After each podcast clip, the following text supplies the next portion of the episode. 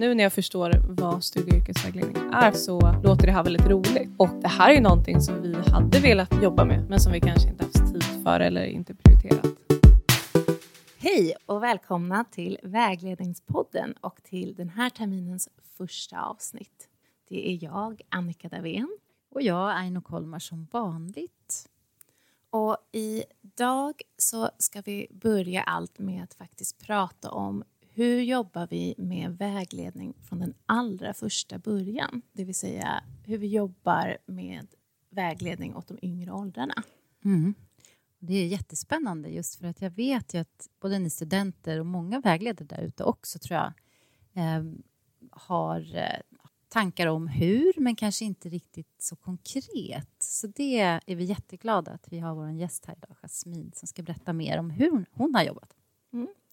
Och vill ni dela erfarenheter, har tips på avsnitt som vi skulle kunna fortsätta med så mejla jättegärna oss på vagledningspodden gmail.com. Nu kör vi! Hej Jasmin, välkommen! Tack så jättemycket och tack för att jag får vara här. Vi är jätteglada att du är här och så nyfikna på allt du har att berätta. Men för de som inte känner dig, vill du berätta lite om eh, vem du är? Absolut. Jag eh, är studie och yrkesvägledare och eh, utbildade mig här på Stockholms universitet och blev väl klar 2019, tror jag. Och efter det så har jag fortsatt alltså jobba som vägledare tänkte jag säga, för det gjorde jag faktiskt till och med under utbildningen. Mm. Så redan första året så började jag jobba på en grundskola. Mm. Och det är inom grundskola som jag är kvar än idag. Mm. mm. Och eh, då jobbar jag, har jobbat lite olika kommuner, men nu jobbar jag i Stockholms stad och eh, på två olika skolor. Och visst var det så att du jobbar på en grundskola från F till 6? Ja, det stämmer jättebra. Som vägledare, det är ju lite ovanligt, alltså just att ha den, det åldersspannet som vägledare, är det inte det? Jo, men absolut. Det är ju ett otrolig lyx att få först och främst möjligheten att få prova att jobba med yngre. Jag tror att det var någonting vi pratade väldigt mycket om under utbildningen men också efteråt. Att wow, tänk om man kan få möjligheten att prova att jobba med yngre. För det är verkligen ingen självklarhet. Och jag skulle säga att jag är väldigt ödmjuk inför att jag har fått den mm. möjligheten. Mm. Och det är nog väldigt mycket tack vare rektorn mm. som jobbar på skolan som ser ett värde i att ha vägledning redan från start och tidig ålder. Men den här rektorn, alltså hur kom ni i kontakt? Var det en tjänst som du sökte eller hur fick du den här tjänsten? Jag skulle säga att det var att jag halkade in lite på bananskal för att jag behövde fylla min eh, tjänst som jag hade redan i Stockholms stad och komplettera den med 40 procent till. Och då var det min rektor på min andra skola som hörde av sig till alla rektorer runt omkring och frågade är det någon som skulle kunna tänka sig ha en studie och yrkesvägledare på bara 40 procent. Mm. Och då sa de på den här skolan som är förskoleklass till sexan att de jättegärna vill prova. Mm. Kul. Så första tipset till alla studenter, skaffa ett bra nätverk av rektorer som sen kan hänvisa er vidare till sina kompisar. Nej men alltså lite så. Ja. Det var ett bananskal men alltså otroligt tacksamt sådant. Mm. Du är din egen vägledningsteori med bananskalet. Mm. Okej, så när var det här? När fick du börja på den här skolan? Mars 2022. Mars det varit. 2022, så mm. ganska nyligen. Ja. Mm. Och hade de haft någon studie och yrkesvägledare innan dig? Nej, de har aldrig haft en vägledare. Eller jag vet att de hyrde in någon någon gång bara för att göra en handlingsplan. Mm. För att de hade hört att det bör man ju ha kanske på en skola. Mm. Men mm. den var kanske två, tre sidor lång och det var det första jag började ta tag i när jag kom dit och gjorde om den. Så det var mm. ganska lite egentligen att ha som utgångspunkt i, liksom det fanns, det var som mm. ett oskrivet blad. Ja, även fast det fanns en handlingsplan så var det ju ingen mer än rektorn i princip som visste att den fanns. Mm. Och det var absolut ingenting som arbetades utifrån på skolan. Det var mer lite som en, eh, alltså det vida perspektivet hur man ska tänka kring studieyrkesvägledning, tänker jag mig. Jag gissar ja, sånt. Det mm. var lite så här, det här är studie och yrkesvägledning och så här skulle vi i, vilja jobba på skolan. Mm. mm. Men det är ändå en bra utgångspunkt. Men hur, vad gjorde du sen då? Hur liksom arbetade du dig fram? Hur började Jo, men då sa jag till min rektor att nu behöver jag ta lite tid och få kolla i verksamheten. Vad görs faktiskt redan som är studie och yrkesvägledning? Och ville ta tid att sätta mig ner och kolla med alla olika stadien och alla lärare och fråga vad gör ni i dagsläget som är studie och yrkesvägledning? För att också känna att jag var ödmjuk inför den här utmaningen att komma in och inte liksom säga så här, här kommer jag med mer jobb och nu ska vi göra ändringar, nu ska vi göra det här. Utan jag ville kolla, vad gör ni som säkert är jättebra, Mm. som vi, jag kan komplettera? Så en Och så- ödmjuk eh, kartläggning helt enkelt. Exakt så. Mm. Mm. Och ett samtal där vi satte oss ner i varje stadie så frågade jag så här, eller först berättade jag det här är studie och yrkesvägledning. Och hur ställer ni er till det? Liksom, känner ni igen det här? Är det något ni arbetar med? Och då börjar det komma upp saker. När jag gav förslag att så här, det skulle kunna vara kanske utflykter ni har gjort, det kanske är att ni arbetar med arbetslivet på det här sättet, pratar om studier. Då börjar det så här, ja men gud vi jobbar jättemycket med det här egentligen. Mm. Men vi kanske inte visste att det var det. Det låter ju som att du också lite indirekt gav dem liksom empowerment att de gjorde ett bra jobb redan med det här i det vida perspektivet där läraren också har en viktig roll. Liksom. Mm.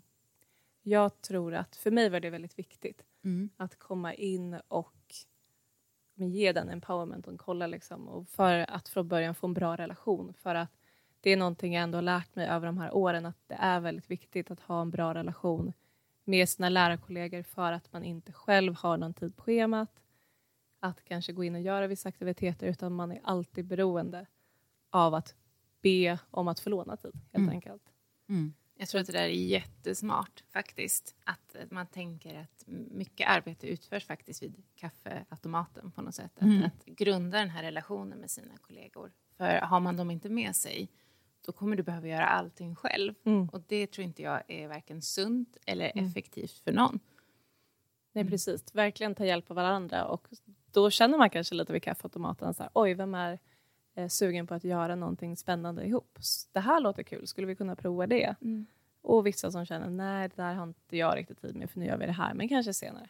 Mm. Precis, de kommer i andra vågen när de ser hur kul du har med Mm. de som är pepp från början. Exakt. Och tack och lov så sprids det också via eleverna att när jag har gått in i kanske klass och gjort någonting som tas tacksamt emot och är väldigt roligt, då blir det lite som en snackis. Mm. Att så här, när kommer Jasmine tillbaka till klassrummet igen? Mm. Och då får andra lärare också höra det från eleverna.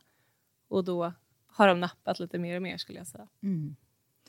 Och som jag förstod det när du berättade för oss när vi träffades innan så började du sen att göra någon form av projektplan eller vad ska man kalla det? En, eh, för du visade ju oss Mm, en mm. mall utifrån liksom ett år, en års, årsjulen, man ska säga hur man kan jobba med vägledning. Var det det som blev ditt nästa steg? Eh, precis, vi gled iväg lite där, eller jag gled iväg. Men om man backar bandet från början så satte jag mig ner först och eh, gjorde en handlingsplan. Mm. Och det gjorde jag genom att kommunicera med alla på arbetsplatsen och fråga vad görs i dagsläget och vilka luckor kan vi fylla. Mm. Och när jag hade liksom kartlagt allt det, då satte jag mig på min kammare och så funderade lite på så här, vad skulle jag vilja göra som kan komplettera det här. Mm. Och så funderade jag några varv och sen så presenterade jag det för de olika stadierna och säger det här skulle jag vilja göra och jag tänker den här tiden på året, men när passar det egentligen er? Och utifrån det så blev det en aktivitetsplan och ett årshjul. Mm. Och eh, det här var lite liksom början, eh, våren när jag började, mars och framåt och fortsatte även i augusti, Mm. september. Så hur togs det här emot när du kom till de här arbetslagen? Jag tänker att du har den här handlingsplanen i handen, men den fanns säkert på din laptop. Så. Men eh, hur, hur svarade de på det? Men mest positivt, Mm. vilket jag blev väldigt glatt överraskad över. Det var väldigt många som sa att oj, nu när jag förstår vad studie och yrkesvägledning är för någonting så låter det här väldigt roligt. Mm. Och eh, det här är någonting som vi hade velat jobba med, men som vi kanske inte haft tid för eller inte prioriterat. Mm. Så det var, jag kände en tacksamhet att jag kom in och liksom, men också gav kanske ett färdigt material. Alltså jag tänkte att vi skulle kunna göra den här uppgiften. Mm. Låter det okej? Mm. Men jag kommer ihåg nu att jag glömde ju nämna att jag hade en eh, genomgång i aulan Mm. eh, i början på eh, alltså hösten 2023 Tre. blir det ju Ja. då. Nej, Nej, nej, det blir det 22 inte. blir det såklart. Mm. Så i starten på det här läsåret som nu har Vart ett helt år, Mm. exakt. Ehm, då så träffade jag alla kollegor i aulan och sen gick jag igenom att det här är jag, det här är min bakgrund, det här är studie och yrkesvägledning. Och så berättade jag också för dem att så här, enligt barnkonventionen och enligt skollagen så ska vi ha studie och yrkesvägledning och gav lite argument och förklarade varför vi ska ha det. Och pratade också om den snäva och den vida vägledningen. Att det är inte bara jag som är studie och yrkesvägledare som jobbar med det utan det ska vara alla vi tillsammans. Mm.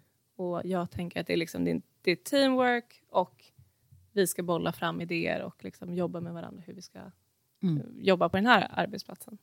Så det är ett ganska retoriskt upplägg där, låter det som. Det är som ett bra tips, att man, hur man kan lägga upp det. Sen också att du började med det, så blir det som flera steg som du tog. Att först med alla lärare då, och sen en och en när du Mm. gick runt och kartlade. Och sen kom med handlingsplanen. Då blir det ju också för dem liksom en, ett, ett, en tydlig tågång och en tydlig sådär... Mm, ja, men det här är ju en kollega som, som är intresserad av mitt jobb.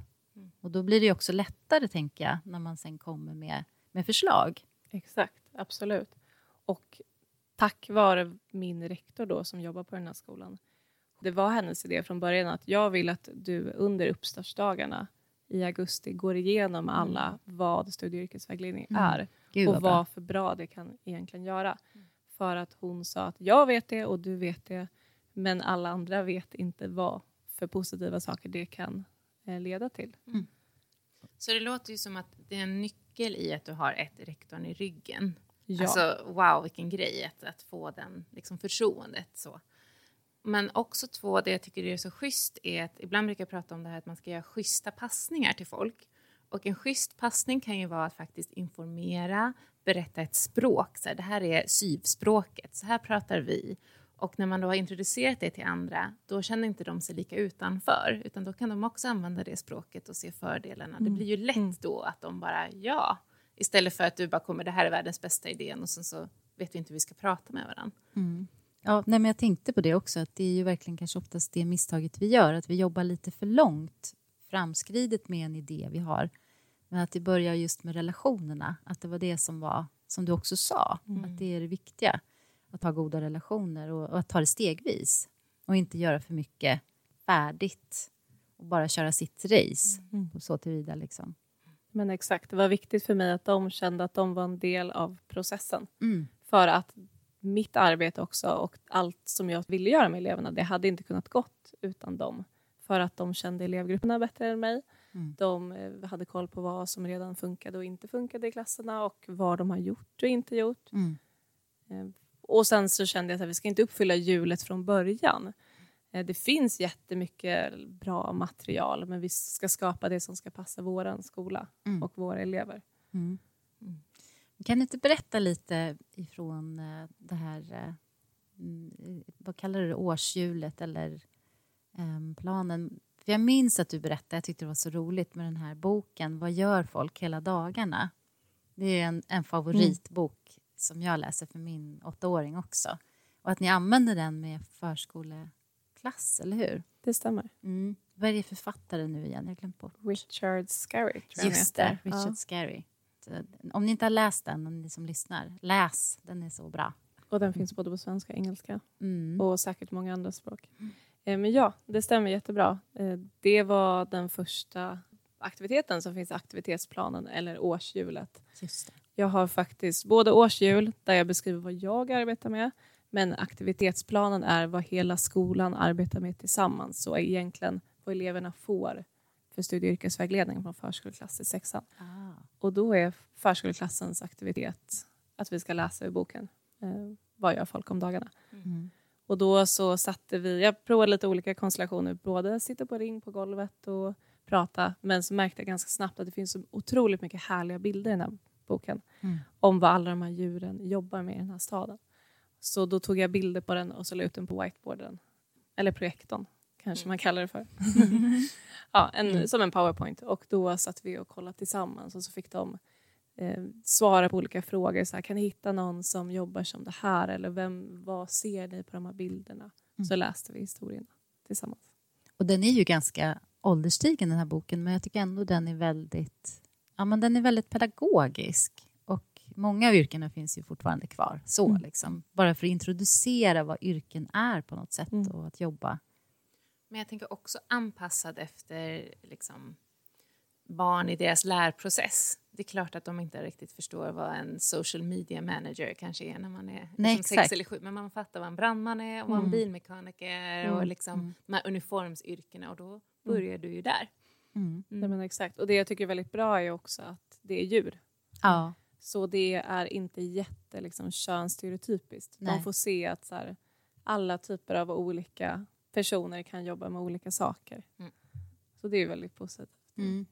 Och hur mottogs du i klassen som kom in som någon utifrån? Så?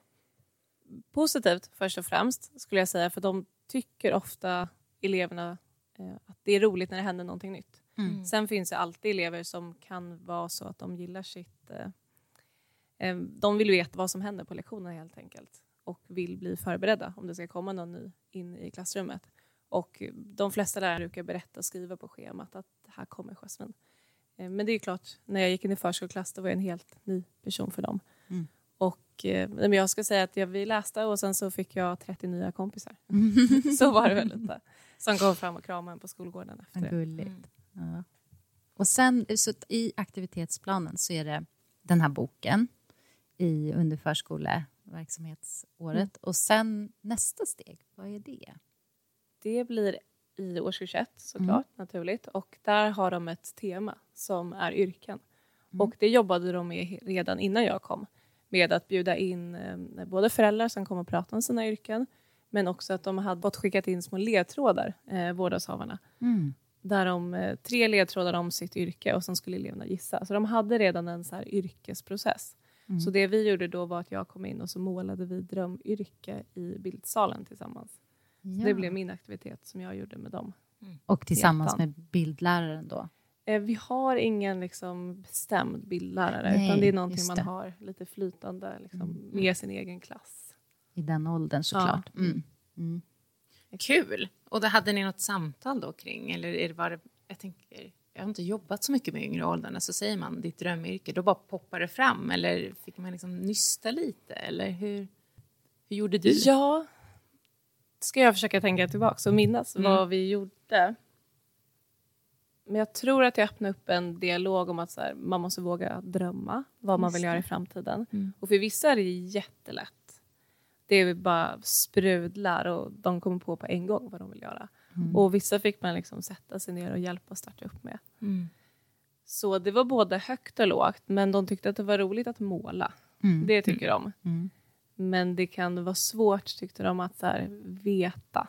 De kände nog, tror jag, en press i att så här, vad är mitt drömyrke? Just Så det. rätt snabbt fick vi prata om att så här, vad hade varit coolt att jobba med? Vad hade varit roligt att jobba med? Det måste inte vara liksom the one and only drömyrke. Mm. Det kan vara någonting som verkar spännande och intressant. Mm. För det där tror jag är viktigt, för det vore ju jättejobbigt tänker jag, om jag träffade en sjuåring som redan visste då att den skulle bli banktjänsteman och var väldigt stressad över att komma in på Handels. Liksom. Alltså, det är ju inte det vi ska göra, utan skapa det här lusten och det här roliga. Exakt. Och kan man bli vattenmelonskastare eller vad kan man jobba med? Så. Mm. Exakt. Och jag berättade också vad jag drömde om som liten i deras ålder. Och då såg man att det tändes liksom massa lampor, att så här, Mm. idéerna började poppa upp. Och som du säger, att det kom ju jättemånga roliga intressanta yrken. Det var någon som målade typ en pizzarobot Mm. som de själv hittade på. Så det här är en robot som bara levererar pizza. Mm. Så att de hittar ju på massa... Hej då Foodora! Fantasin, verkligen. Fantasin är ju obegränsad. Roligt. Men vad var ditt drömyrke? Blir jag nyfiken. När du var I sju. den åldern så var det... Det har alltid varit någonting med liksom matlagning eller Mm. musik. Sen var jag också väldigt mycket i den åldern inne på polis och Ah. präst. ah. Tror det eller ej. Ja. Ja, men det var det. I den åldern. steget är inte så långt mellan vägledare och präst Nej, kanske. exakt. Det är ju ett samtalsyrke. Ja. Ja. Mm.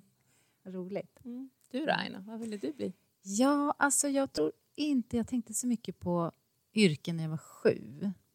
Men nio år, då kommer jag ihåg att jag tänkte men då vill jag bli jurist. Mm. Kul! Men det är någonting med det där rättvisa, Mm. eh, det här rättvisa, etiska, prin- ja men att det ska vara rättvist, det är viktigt för mig, tror jag. Stark rättvisepatos. Men Annika, du då? Vad hade du för drömyrke? Jag ville bli busschaufför. Men det var för att jag eh, åkte buss till skolan och eh, då fanns det en jätteglad busschaufför som alltid när man åkte över bron till Sollentuna centrum eh, så brukade han vara så här, kolla nu på soluppgången till höger, Oh. där har ni fina... Alltså så här, lite som en så här, tourguide och tyckte att det var lite kul. Och då blev jag också lite så här, tänk om jag var busschaufför, då skulle jag ett, spela bra radio i bussen och två, alla barn skulle få klubbor. Jag skulle vara så duktig på Så Jag tror att det också finns en så här lösningsorienterad människa redan i, i, i de små, ja, i mitt yngre jag. Så. Mm. Vad roligt. Ja, man skulle säkert kunna i, vad heter det, i Savikas anda kunna spinna vidare på det där och se någon röd tråd för oss alla tre. Säkert. Verkligen. Men det låter också som att ehm, den här aktivitetsplanen gör ju ett att man har en plan, att man inte känner att det finns någon form av sätt att mäta, något sätt att göra så att det liksom faktiskt fortlöper. Men två, den känns ändå inte heller superambitiös. Som att, jag vet inte, allt ska stå pall för nu, nu är det yrkesdags i årskurs ett. Liksom. Nej men exakt. Mm. Och det tror jag det var så viktigt med dialogen då, som vi redan pratat om med lärarna och relationen från Mm. början. Att bolla med dem att det skulle bli bra. Och prestigelöst det här första året, de har aldrig haft en studie och yrkesvägledare. Jag har inte jobbat med yngre barn. Gör mitt första läsår med yngre barn. Och absolut att det fanns en liten prestationsprinsessa. Och den finns nog kvar nu även efter första året. Men nu andra året kommer jag ha möjligheten att kunna göra om och sätta mig ner också och prata med kollegorna. Så här, vad behöver vi faktiskt kanske göra om eller tänka om Mm. eh, kring? För jag har redan jättemycket idéer själv Mm. vad jag skulle vilja ändra på. Ja, För det minns jag att du sa också att vissa saker hade inte hunnits med som, Mm. som fanns med i aktivitetsplanen från början och att det, det får vara så. Liksom. Verkligheten blir så. Exakt. Mm. Och det har min rektor också varit väldigt tydlig med att tänk nu Jasmine att det inte funnits en studie och yrkesvägledare här innan så allting du har gjort är förhoppningsvis bra saker så sätt inte ribban för högt utan good enough egentligen det här första året. Mm. Mm. Kan du inte berätta mer om nästa steg i aktivitetsplanen då? Ja, det blir årskurs två Mm. och eh, då var vi ute på yrkespromenader. Just det. Så då gick vi en promenad runt området och eh, så fick de tre stycken uppdrag med sig, tvåorna. Att de skulle leta efter någonstans där man jobbar med mat, att de skulle leta efter någon plats där man jobbar med bilar och eh, det tredje där man jobbar med barn. Mm. Så då var vi ute och spanade. De hittade allt från matbutiker till restauranger till eh, garage till bilförsäljningar. Och sen så var vi var runt en promenad, kanske en 20 minuter till 40 minuter beroende på vilken klass man tog, hur lång tid det tog, hur mycket som skulle pekas och berättas. Ehm, och sen gick vi tillbaka till klassrummet så fick de skriva ner vad de hade sett och så övade vi på liksom stavning också tillsammans. Att, Mm. Okej, hur skriver man florist som en elev sa att den hade sett exempelvis när den var ute och gick. Hur stavades det? Just Mm. det. Så det gjorde vi tillsammans. Och eh, en sak som jag märkte då som jag behöver göra annorlunda till nästa år det är att faktiskt prata med dem vad ett yrke är. För att det blev väldigt spännande att se när vi gick ut att vissa kunde skriva pizzeria Mm. eh, som ett yrke sen när vi skulle skriva ner yrken. Men då fick vi prata om, okej, men vem är det faktiskt som gör pizzorna? Vem är det som jobbar med det?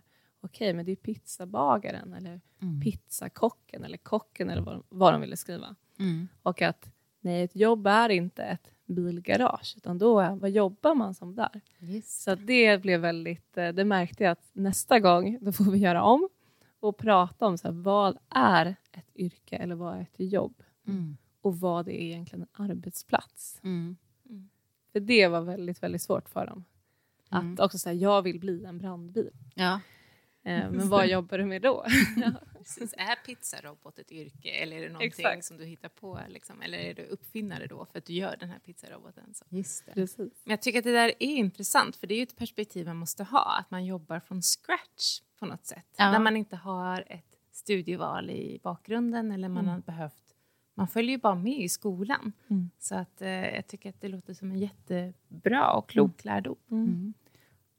Och där känner jag också att det var ju väldigt tacksamt för pedagogerna. Som, de känner ju barnen mycket Mm. bättre än vad jag gör. Mm. Och då kunde de också se att så här, nu Jasmin så är det vissa elever som inte riktigt är med på den här bollen med vad skillnaden är på ett yrke och en arbetsplats. Det. Så vi måste bromsa här och prata Mm. om det. Mm. För mig var det så självklart, men då måste man ju tänka att så här, alla kanske inte har lärt sig det i den åldern. Nej. Nej. Eller när man är äldre också för den delen.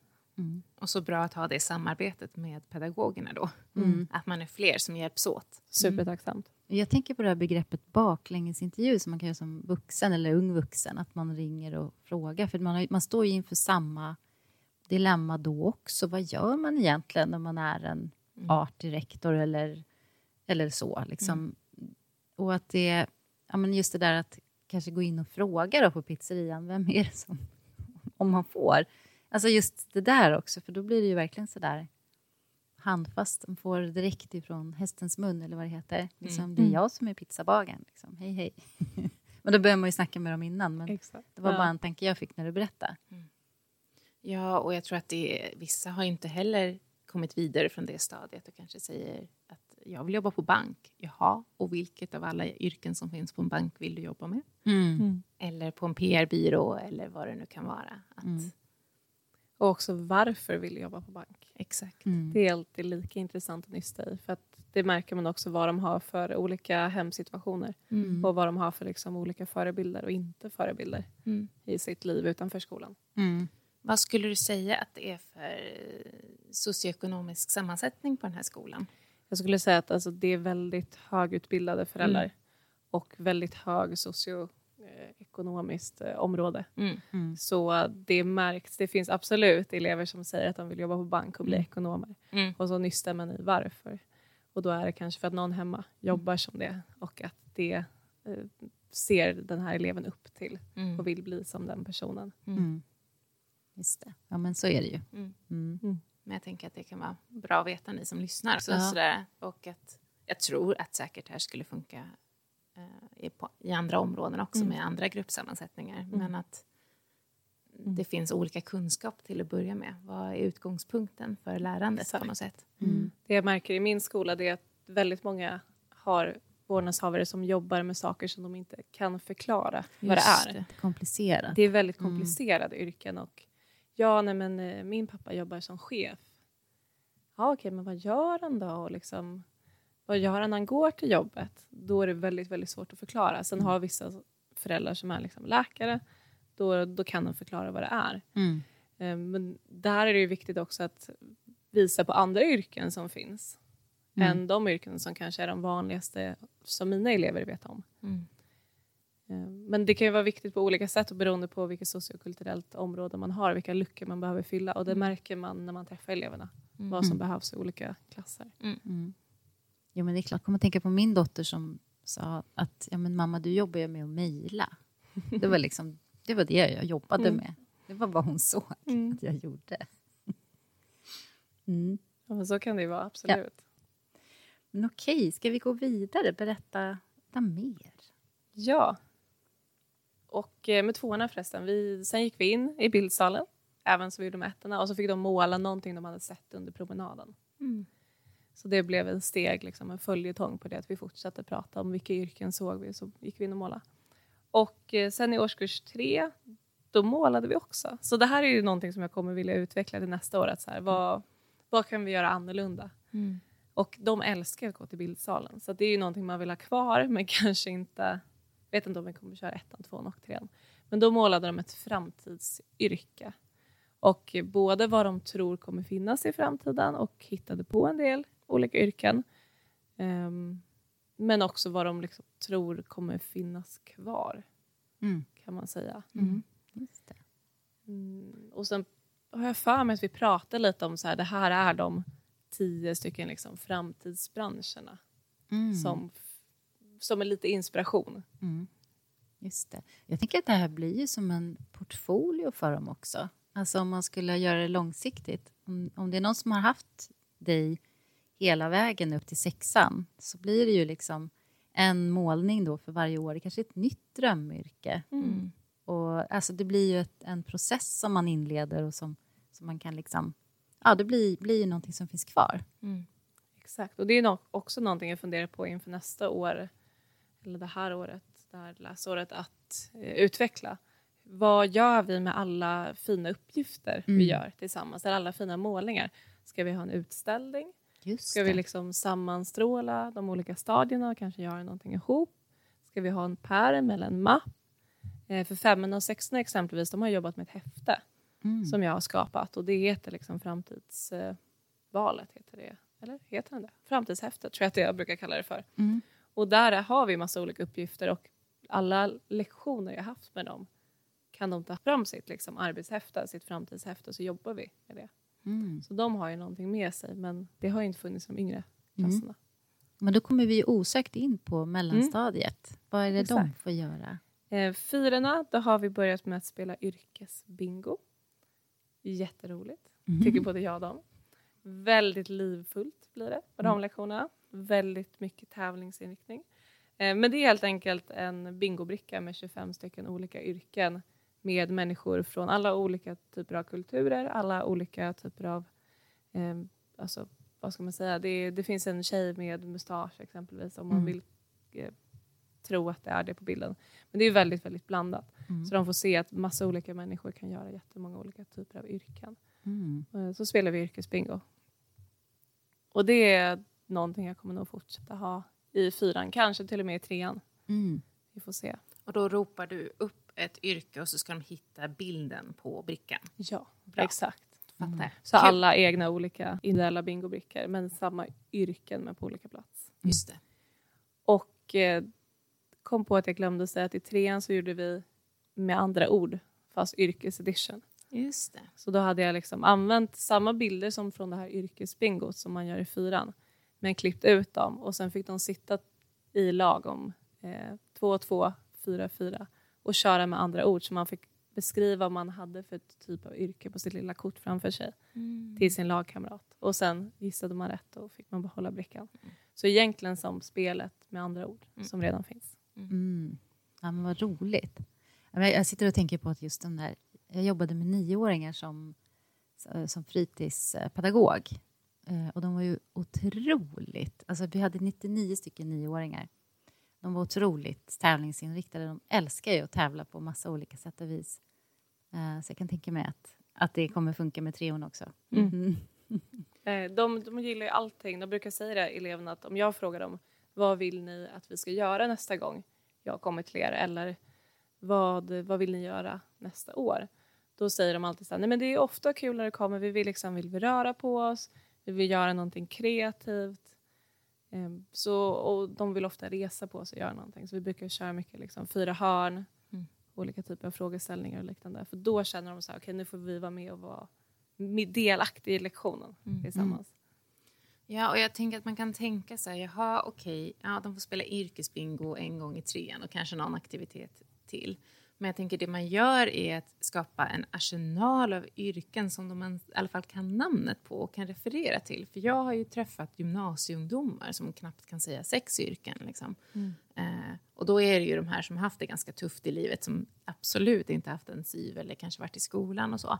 Men det vi gör är ju att vi ger dem en helt annan karta att börja utgå ifrån sen när de kommer på högstadiet och ska börja tänka på Mm. gymnasievalet. Jag tänker att det är jätteviktigt, Mm. det du gör. Mm.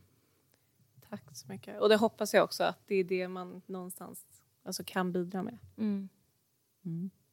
Men det här häftet då? Vad, vad är det för typ av uppgifter där? Jo, men det är ett häfte som handlar om egentligen valkompetens Mm. och att man lär känna sig själv från grund och botten. Med, och det här häftet är också framtaget med hjälp av andra vägledare. När jag jobbade i Nacka så hade jag en otroligt fantastisk kollega som gjorde det häftet från början och sen så har jag fått ta del av det så har jag utvecklat det och liksom också nu anpassat det till yngre åldrar. Mm. Så jag har haft det lite som stomme.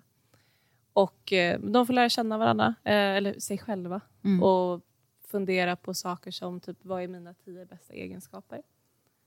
Okej. Mm. Och så får de, det är säkert hundra stycken ord där de får välja så här, okej, är jag s- spontan?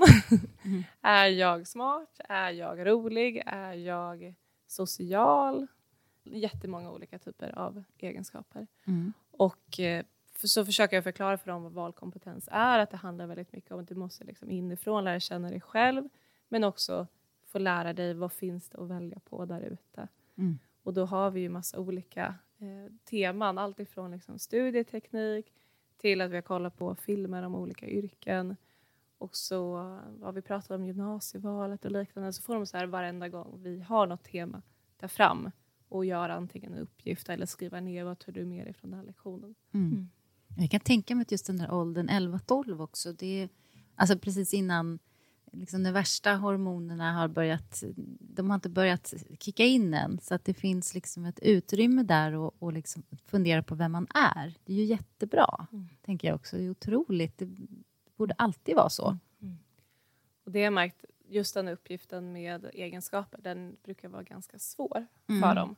Jag För hade att de- tyckt det var svårt. Ja, nej, men helt förståeligt. För att, och då brukar jag säga så här, men prata med kanske en klasskompis. Eh, vad hade den sagt för egenskaper till dig? Just Så det. brukar de lättare komma igång.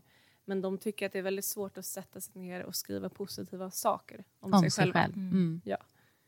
Och eh, brukar nästan be om lov lite så här, Jasmin, kan jag få ta den här egenskapen? Mm. Är det okej att jag gör? De vill ha den här bekräftelsen. Mm. Att det är Mm. okej att få vara Mm. smart, exempelvis. Mm. Ja, men speciellt eh, i den där åldern, för då är man ju lite sådär, oj vad gör alla andra? Om man vill på ett sätt vara sig själv och sticka ut, för det är det som allt, alla säger på Youtube och grejer, man ska hitta sin identitet och samtidigt så vill man inte det Mm. och tycker att det är lite... Så att jag tänker att det är viktigt, men också en svår ålder att göra det när Mm. man inte Mm. vågar sätta etiketter på sig själv riktigt än kanske. Mm. Eller så. Mm. Ja, men också prata kring... Alltså just att det blir tävlingsmoment i det där också. Att det, det. vad är bättre och vad är sämre egenskaper? Mm. Liksom. Kan jag tänka mig att man kan behöva prata om att, inte, alltså att, att det är, vi är bara olika Mm. och att allt är styrkor, liksom, kan vara styrkor. Mm. Mm. Nej, men exakt. Det var någonting jag pratade med sextorna om nyligen exempelvis när vi pratade om gymnasievalet. Mm. Att, eh, nu låter det stort, oj jag har pratat med sextorna redan om gymnasievalet men det var mer så här, vilka program finns, vi kollar lite filmer och så. Mm. Och då pratade jag om att så här, vi behöver alla olika typer av människor i samhället. Vi måste alla vara bra på olika saker. Mm. För det hade inte gått runt annars. Och det är jätteviktigt att vi är olika. Mm. För det funkar Mm. inte utan det. Mm. Ehm, Att de måste liksom kunna känna att jag kan också få passa in där jag ska passa in. Mm. Och vara en del av brickan till pusslet. Mm. Jag på tycker att det sätt. låter som att även fast du har mycket information på dina lektioner så är det inte informationen i sig som är fokus utan ett tänk, ett vägledningstänk inför sin karriär. Jag hoppas och tror det. Mm. Det ska vara mycket liksom, tänka själv-uppgifter. Mm. Och att vi reflekterar i grupp och individuellt. Mm. Mm. Men jag har en fråga kring det, för att du är ju mycket i klassrummen. Känner du dig som en pedagog?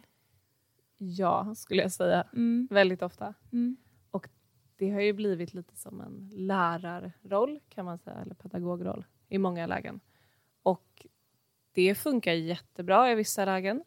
Men jag är ju jätteimponerad också av lärare som faktiskt orkar, om man kan säga, och håller lektioner hela dagarna. Mm. För jag kan känna om jag har två, tre lektioner på en dag, då är jag helt dränerad på energi för att jag inte är van vid det. Mm.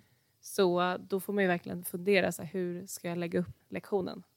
Så att det kan bli lite olika typer av liksom inspel, kanske fyra hörn, en liten bensträckare, så man själv också hinner ta en liten paus. Mm. Men ja, jag känner mig ofta som en pedagog. Och eh, det tror jag att man skulle kunna komma ifrån genom att förhoppningsvis fortsätta och även skapa nya samarbeten med lärarna. Att så här, vägledning i ett vidare perspektiv. Hur Mm. kan de jobba med det Mm. sj- själva utan mig? Just det. Och det gör de i vissa stadier men inte alla lika duktigt. Mm. Och det var ju också någonting jag minns att vi pratade om eh, innan, inför det här. Alltså just den där konsultrollen som man kanske kan inta så småningom om man liksom lyckas implementera det här arbetssättet. Vi säger att du jobbar där i tio år. Då lär du ju inte kanske behöva vara lika liksom, aktivt deltagande hela, hela liksom, om tio år. Mm. Om vi säger så. Exakt. Jag tror att mycket för mig är att jag har velat vara med det här första året. För att jag har velat gå ut och prova alla mina olika typer av eh, lektioner. Mm. För att se vad som går hem och vad man behöver liksom rucka på. Mm. För att sen också kunna komma till pedagogerna och säga att det här upplägget provade jag att köra på och här har ni en färdig powerpoint och färdiga liksom kort till att göra den här leken. Mm. Varsågoda. Exakt. Och då har jag Mm. provkört det så jag kan ändå gå i god för det. Så att jag tror att desto längre tiden går desto mer kommer det bli mer självgående. Mm. Och det kan bli mer som en projektledarroll. Ja, så där kom vi in på det också. Att man är väldigt mycket en projektledare som vägledare. Man kan vara det verkligen. Mm. Men det jag sitter och tänker på nu, det är också det här, vad händer om du slutar där, Jasmin? Det undrar jag också. Mm. Jag hoppas att det skulle kunna fortsätta. Mm. I alla fall att de fortsätter med att göra de uppgifterna som de själva redan gör från start, som var jättebra och är jättebra. Men jag tror att om jag inte kommer lämna över en del av mina uppgifter så, så dör ju de med, eller de försvinner med mig. Mm. Dör blir lite dramatiskt, men de försvinner ju med mig. Ja. Och jag tror att för att förhindra det så behöver jag återigen vara med kanske på uppstartsdagar och prata om vad är vägledning? Vad har vi gjort förra året? Visa på liksom goda exempel. Och eh, ja, men fortsätta dialogen med eh, Mm. lärarna om hur de kan jobba. Det låter klokt, Mm. tycker jag, att tänka så. Man, det, det är ju svårt, man är ju inte... Eh, man är utbytbar och man bör vara det. Man tänker att det här är för alltså någonting som ska kunna leva vidare utan mig också. Mm. Mm. Och så får lärarna bli fackelbärare för eh, vägledningen. Mm. Liksom. Mm. För du lär ju dem också hur de kan få in det perspektivet på egen hand.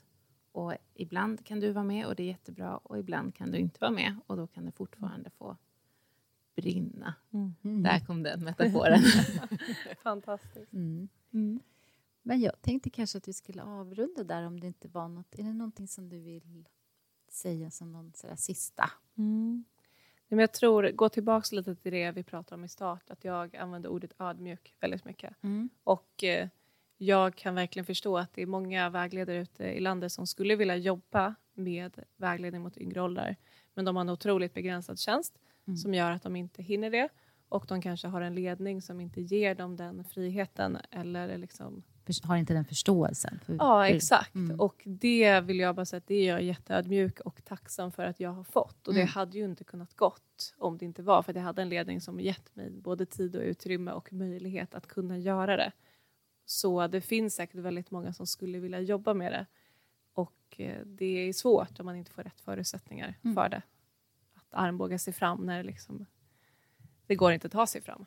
Mm. Och jag tänker på det du började med att säga också, att det var en rektor som faktiskt uttryckte det. Jag vet vad studievägledare gör. Det är lite ovanligt, har jag Mm. förstått. Så där eh, kan man väl tänka sig också att det finns säkert jättemånga bra rektorer där ute som, som man kan berätta vad en studievägledare gör. Och sen nästa steg blir att liksom implementera en sån här idé. Precis. Lite så. Och om det är någon som skulle vilja höra av sig och veta hur ett årskull kan se ut eller hur en aktivitetsplan kan göras så är det bara att höra av sig till mig. Bra. Strålande. Stort tack för att du kom. Tack, Jasmin. Tack så jättemycket.